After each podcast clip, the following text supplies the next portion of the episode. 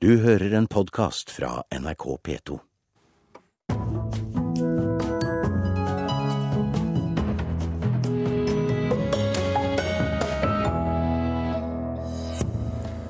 Den nye OL-låta får elendig mottakelse og terningkast én i VG. Toppidrettssjefen åpner for endring.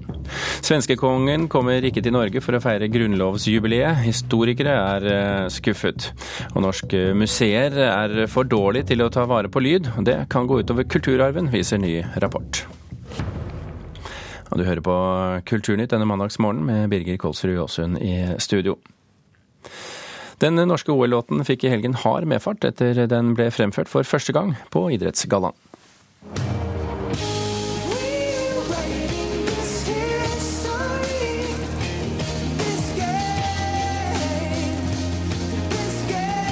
Lørdag kveld under Idrettsgallaen fikk vi for første gang høre Norges offisielle OL-låt til de olympiske vinterleker i Sotsji. Låten med navnet The Best of Us ble fremført av bl.a. artistene Alexander Denstad Hvitt og Kave. Det smeller når det først smeller. Det gjelder når det først gjelder. Sangen har skapt stort engasjement. Men selv om Oslo Spektrum applauderte, har den ikke fått noen særlig god mottagelse blant anmeldere og på sosiale medier. VG ga låten terningkast én og mente den burde blitt diskvalifisert på startstreken. I en avstemning på nettsiden deres har flere tusen av leserne gitt samme snittkarakter. Også på Twitter har reaksjonene vært negativt ladet. Flere mener låten er rotete og lite allsangvennlig.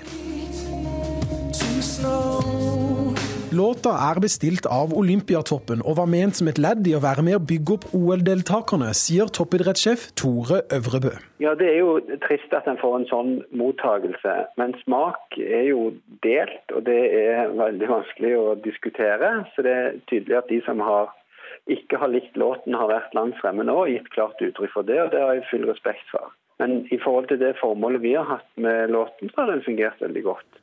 Øvrebø forteller at den versjonen vi hørte på lørdag, ikke er den endelige versjonen av låta. Vi har ikke bestemt hva vi skal bruke låten til videre, men den er ikke ferdig innspilt, så den er fortsatt i, under utvikling.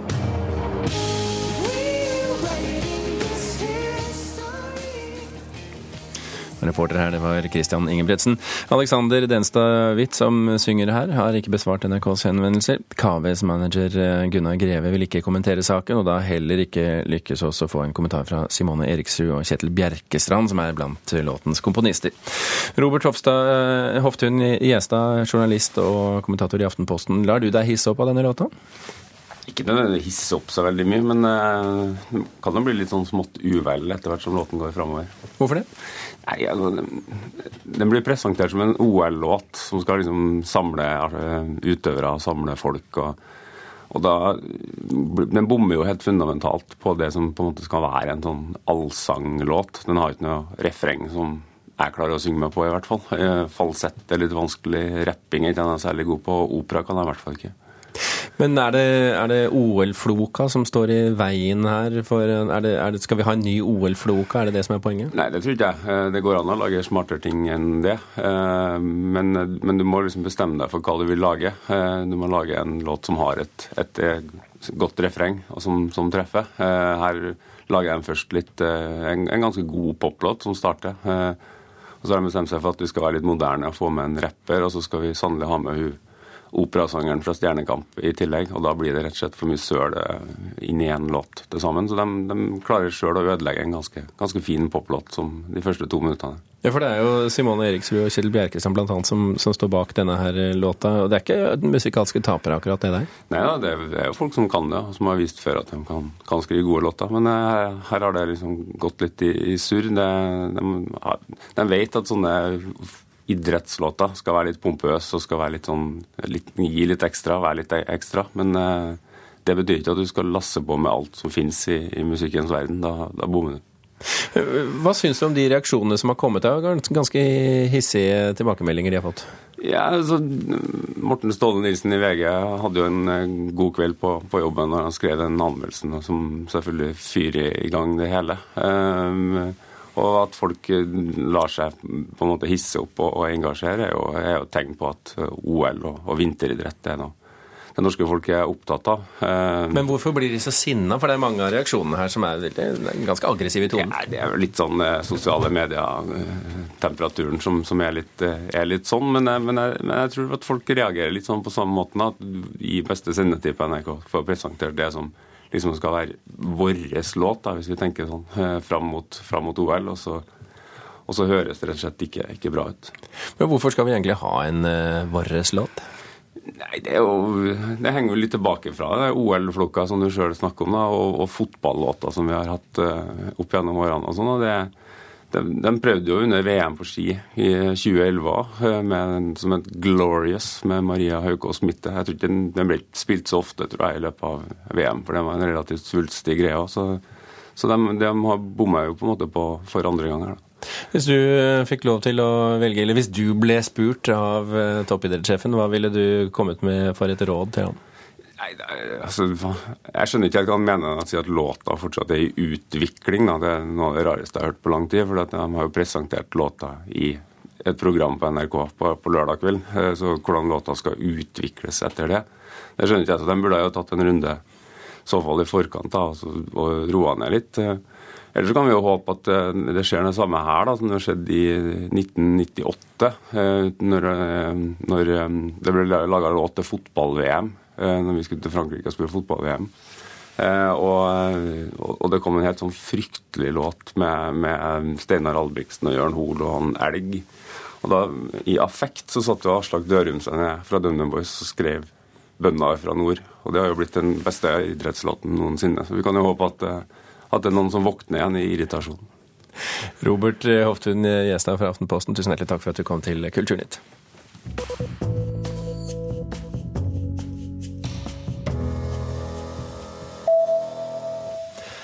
Flere syns det er greit å betale for å lese nettaviser. Det viser en ny undersøkelse blant leserne av mediekonsernet A-medias lokalaviser. 21% sier seg villig til å betale, og færre sier nei takk. Det gjør A-mediasjefene optimistiske, ifølge avisen Klassekampen. Men fremdeles sier halvparten at de i liten eller ingen grad er villige til å betale for seg når de leser artikler på nett. Færre føringer fra politikerne vil føre til færre kvinner i filmbransjen. Det mener Norsk Filmforbund når Kulturdepartementet nå skal legge frem sine instrukser til Norsk Filminstitutts tildelinger. Leder i NFF, Sverre Pedersen, sier til Vårt Land at en radikal kvotering i bransjen må til for å bøte på flere år med det han kaller unnfallenhet. I dag er kvinneandelen i bransjen på under 20 og med den nye regjeringens frihetsreform og Høyres, Høyres motstand mot eh, kjønnskvotering sier, ser ikke Pedersen lyst på fremtiden. Statoils oljesandvirksomhet i Canada er betenkelig. Det sier forfatter og TV-skaper Ari Behn. Sammen med Per Heimli besøker han oljesandområdet i sin TV-serie Ari og Per løser verdens problemer på TV Norge. Ben sammenligner oljesandindustrien med den onde trollmannen Sarumans forbannelse i Ringenes herre-bøkene, og sier at Statoil, som har et eh, oljesandanlegg i området, må være sitt ansvar bevisst. Statoil svarer at det ikke er naturlig å svare på kritikken, da området TV-programmet besøker ligger langt unna Statoil-anlegget.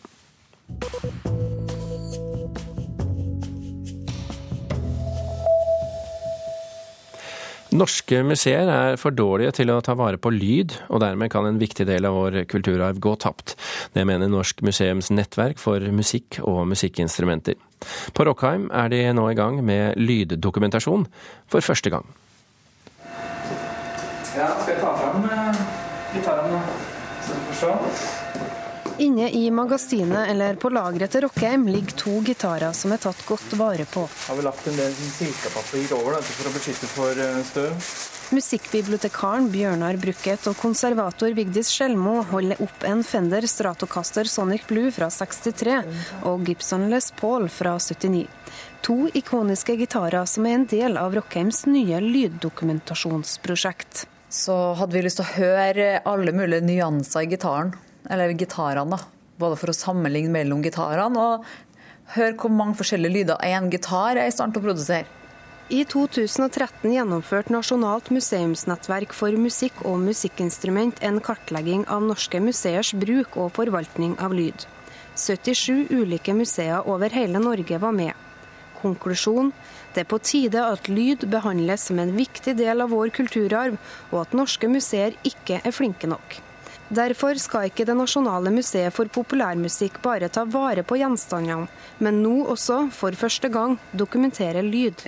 Tradisjonell eh, på museum, når du dokumenterer om en gjenstand, så er det veldig mye det du ser på materialet. Hvor, hvor, tungt og hvor eh, stort noe er, og du tar fotografi og sånn. Mens nå det, blir det sånn at museene vil ha inn lyden også, som det er for at vi omgir oss med så mye lyd. At det er viktig å bevare lyden. At man tar opp lyd både av omgivelsene og av gjenstandene, hvordan lyd gjenstandene lager. 17. To hammerflygler.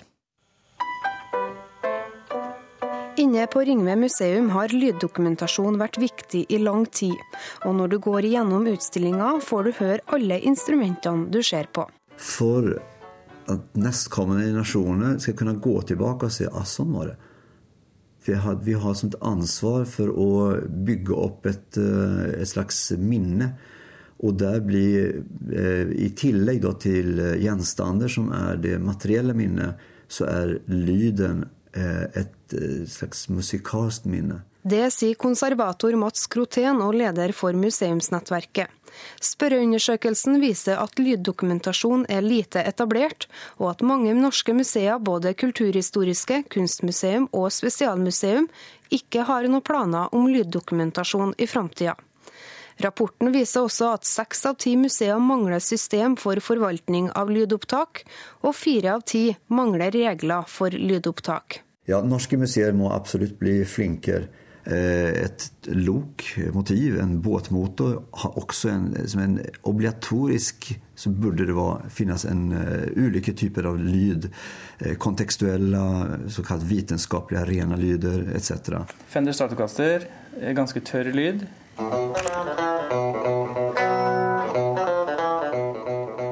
Resultatet etter å ha dokumentert lyden til de to ikoniske gitarene, ble 280 ulike varianter av gitarriffet Splitter Pine av DumDum Boys, med ulike forsterkere og mikrofoner.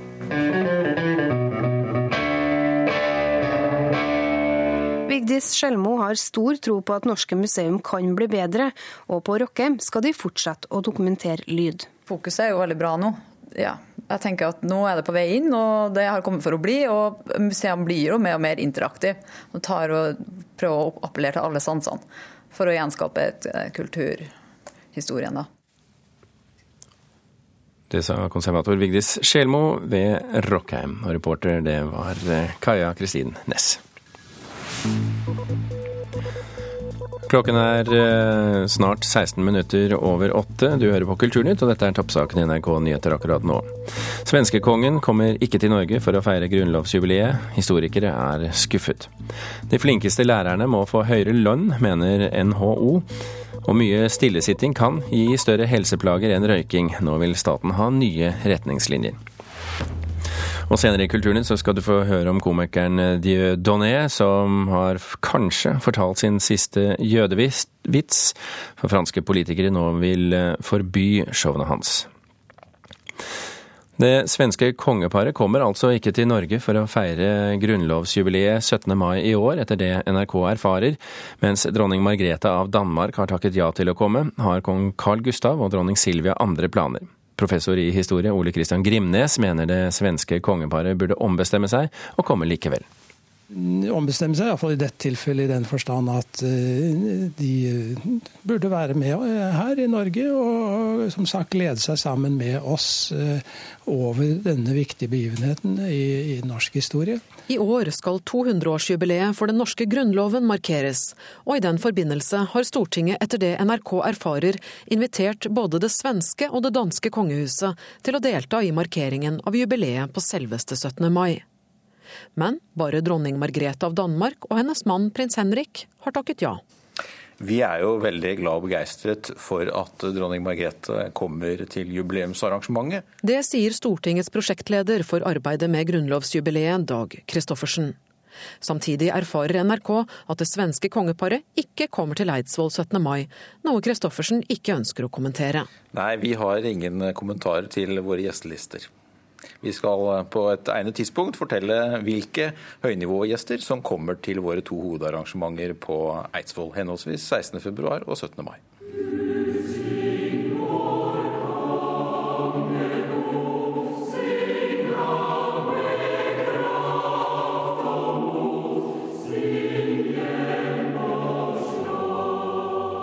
For 200 år siden samlet en gruppe menn seg på Eidsvoll for å lage loven som skulle bli grunnlaget til det selvstendige Norge.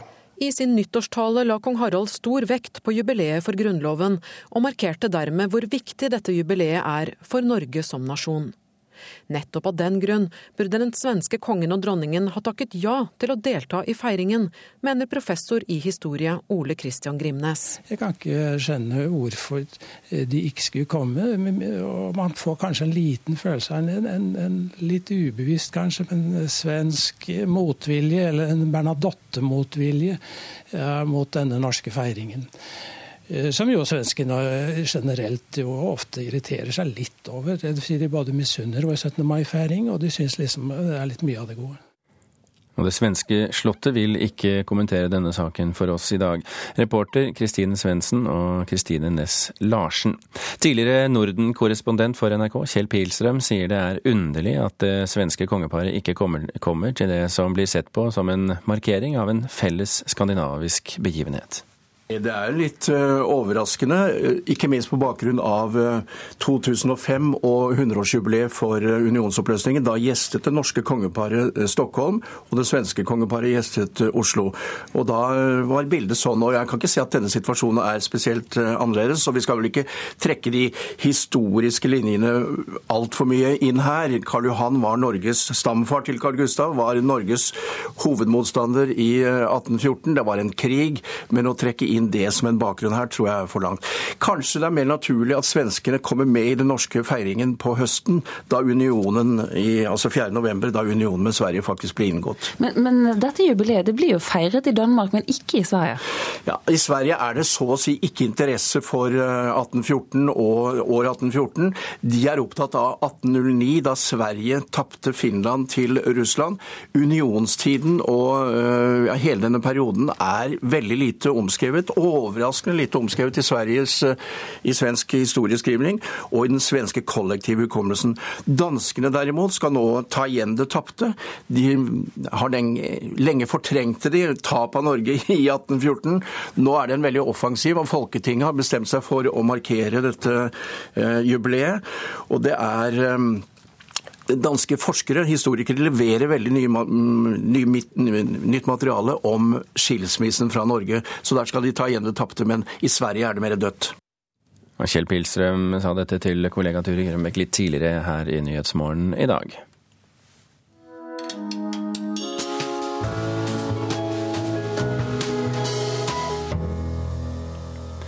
Den sørkoreanske suksessforfatteren Shin Kyung-suks andre roman på norsk, 'Jeg kommer med en gang', er eh, fascinerende, mener vår anmelder Marta Norheim. Kanskje spesielt fordi den ikke er skrevet for et norsk publikum. Det starta med ei telefonoppringing. En mann ringer til ei kvinne for å melde fra om at litteraturprofessor Jun, som de begge setter svært høyt, ligger for døden. Informasjonen fører kvinna ut på ei minnereise tilbake til studietida på 80-tallet. Det var inga lykkelig tid. General Shundo Wan hadde nett gjort militærkupp og knebla både ytringsfridommen og politisk aktivitet.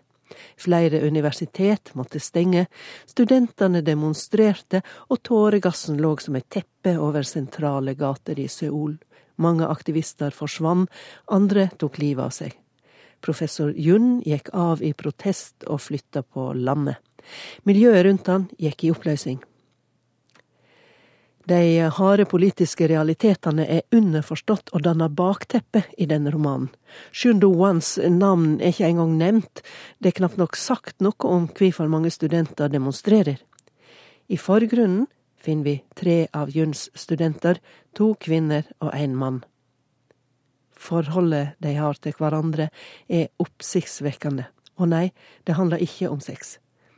Eller sjølsagt er erotikken der, men også den er stua bak i bildet i det nesten usagte. Forfatteren vel å skildre hvordan den håpløse situasjonen så å si lammer alle prosesser. Universitetet sliter, protestene fører ikke fram, å reise tilbake til landsbygda der de kommer ifra er like håpløst som å bli buende i storbyen. Fortida er også kvelende. Når de besøker professor Jund på landsbygda, setter han de til å slå ned snø fra greinene i skogen bak huset sitt. Livet står på vent, stemninga blant studentene vipper mellom melankoli og desperasjon, relasjonene er skjøre og uuttalte. Samværsforma er som nevnt oppsiktsvekkende, eller kanskje heller djupt framand. Og det er en av de tinga jeg virkelig liker ved denne boka. Hun er helt tydelig skreven til forfatterens heimepublikum, som ikke trenger å få forklart det som virker gåtefullt for en vestlig leser som meg. Dermed blir historia både fjern og svært nærværende på samme tid de velmente informasjonene om lokale forhold som er så karakteristiske i litteratur skreven utenfor Vesten, men med den vestlige leser i tankene. Dette pedagogiske hjelpesteget er fraværende Yoshin, som selger millionopplag i sitt eget land. Det er mitt oppediktige ønske at hun tar vare på den skrivemåten, både med tanke på de sørkoreanske leserne og for oss som lever en helt annen stad, til dømes her. Det sa Marta Norheim, og det er eh, Jarne Byhre som har oversatt romanen Jeg kommer med en gang av den sørkoreanske forfatteren Shin Kyung-juk. I Paris ønsker nå flere politikere å sensurere komikeren Dieudonné. Komikeren har flere ganger laget skandale med kontroversielle sketsjer, og spøker ofte med homofile og jøder. I helgen gikk borgermester i Paris, Bertrand Delanoë, til angrep på Dieudonné i et radiointervju, og vil forby showene hans. Il ne s'agit pas de toucher à la liberté d'expression. Je me bats avec la même détermination contre... Et förbud mot Dieudonné handlar inte om att stoppa uttrycksfriheten, röt Paris borgmästare Bertrand Delanoë igår. Utan det handlar om att slåss mot rasism, sa den socialistiske borgmästaren i radiointervjun. Delanoë stödjer därmed inrikesminister Valls som nu undersöker hur man ska kunna stoppa den omstridde komikern. Dieudonné är en svart komiker, känd sedan nästan 20 år. Ofta skämtar och driver han med judar eller homosexuella. Att det nu stormar kring Dieudonné beror på att han innan jul skämtade om en känd programledare på statlig radio, Patrick Cohen, som är av judisk börd. Komikern sa i sin sketch att när jag hör Patrick Cohen tala säger jag bara till mig själv att gaskamrarna, så synd. Mellan raderna, vad menas då med detta? Jo, svarar Nicolas Gigant på högertidningen Le Point. Dieudonné menar att om det vore möjligt att sända Cohen till gaskamrarna vore det bra. Vissa kanske tycker det är ett roligt skämt, men detta är ett sätt att uppmana till våld och det är förbjudet enligt lag, säger Guigan. Dieudonné har en egen teater i Paris, La Mandeur, nära Bastiljen. När jag nyligen träffade Dieudonné frågade jag honom varför han så gärna vill skämta om judar. Han svarar att man i praktiken bör kunna skämta om precis allt, men... Qui censure, qui se, qui se croit en fait au-dessus des lois et au-dessus de la justice. Mäktiga organisationer och politiker tillkallar censur och förbjuder till exempel skämt om judar. Just det motsätter jag mig, sa Dieudonné till mig. I sin film Antisemiten vill Dieudonné locka till skratt när han säger Judarna styr media, finansvärlden och politiken. Det finns inget annat val än att utrota dem. I filmen spelar Dieudonné en naziofficer och alkoholist som i slutet blir vän med judarna. Dieudonné har sin publik även om hans film och sketcher också får mycket stark kritik. Sex gånger har komikern stämts för förtal. Han har dömts att betala skadestånd på över en halv miljon kronor. Men enligt tidningsuppgifter har han inte betalat pengarna ännu. I den pågående debatten har även Diodonés Kunnell blivit omstridd. I sina sketcher håller Dieudonné ofta ena vänsterhanden vid axeln på sin utsträckta högerarm. Han gör en kunnell. Gesten anses symbolisera antisemitism. Den här gesten gjorde förresten fotbollsspelaren Nikola Anelka för att fira sitt mål i en match nyligen. Den händelsen utreds nu av engelska fotbollsförbundet och kan leda till straff. Anelka säger till media att han inte är antisemit, men medger att han dedikerade hälsningen till komikern Dieudonné som är en vän. Kan man verkligen skratta åt allt är frågan många ställer sig i debatten. Journalisten Nicolas Guégan menar att man med skrattet kan föda många fördomar som antisemitism. Åskådaren bör därför vara uppmärksam med någon som Dieudonné som är en farlig människa, tycker Guégan. Parce que pour moi, Dieudonné est quelqu'un de très dangereux. Reporter her i denne saken, det var Johan Tolgert. Så rekker vi å ta med til eh, slutt at Scandinavian Star-ulykken blir radioteater i NRK. Manusforfatter Mathias Kallmeier håper ifølge Aftenposten at hørespillet kan hjelpe til å få etterforskningen av saken gjennomtatt. 159 mennesker omkom i flere branner i Scandinavian Star-fergen på vei fra Oslo til Danmark i april 1990. Politiet slo fast at brannene var påsatt av én av de omkomne, men etterforskningen av saken har fått kritikk for å være mangelfull, og det blir for tiden vurdert om den skal gjenopptas. Kulturnytt er slutt. I dag fikk du sendingen levert av Beate Haugtrø, teknisk ansvarlig. Produsent det var Vidar Sem, og her i studio hørte du Birger Kolsrud Jåsund.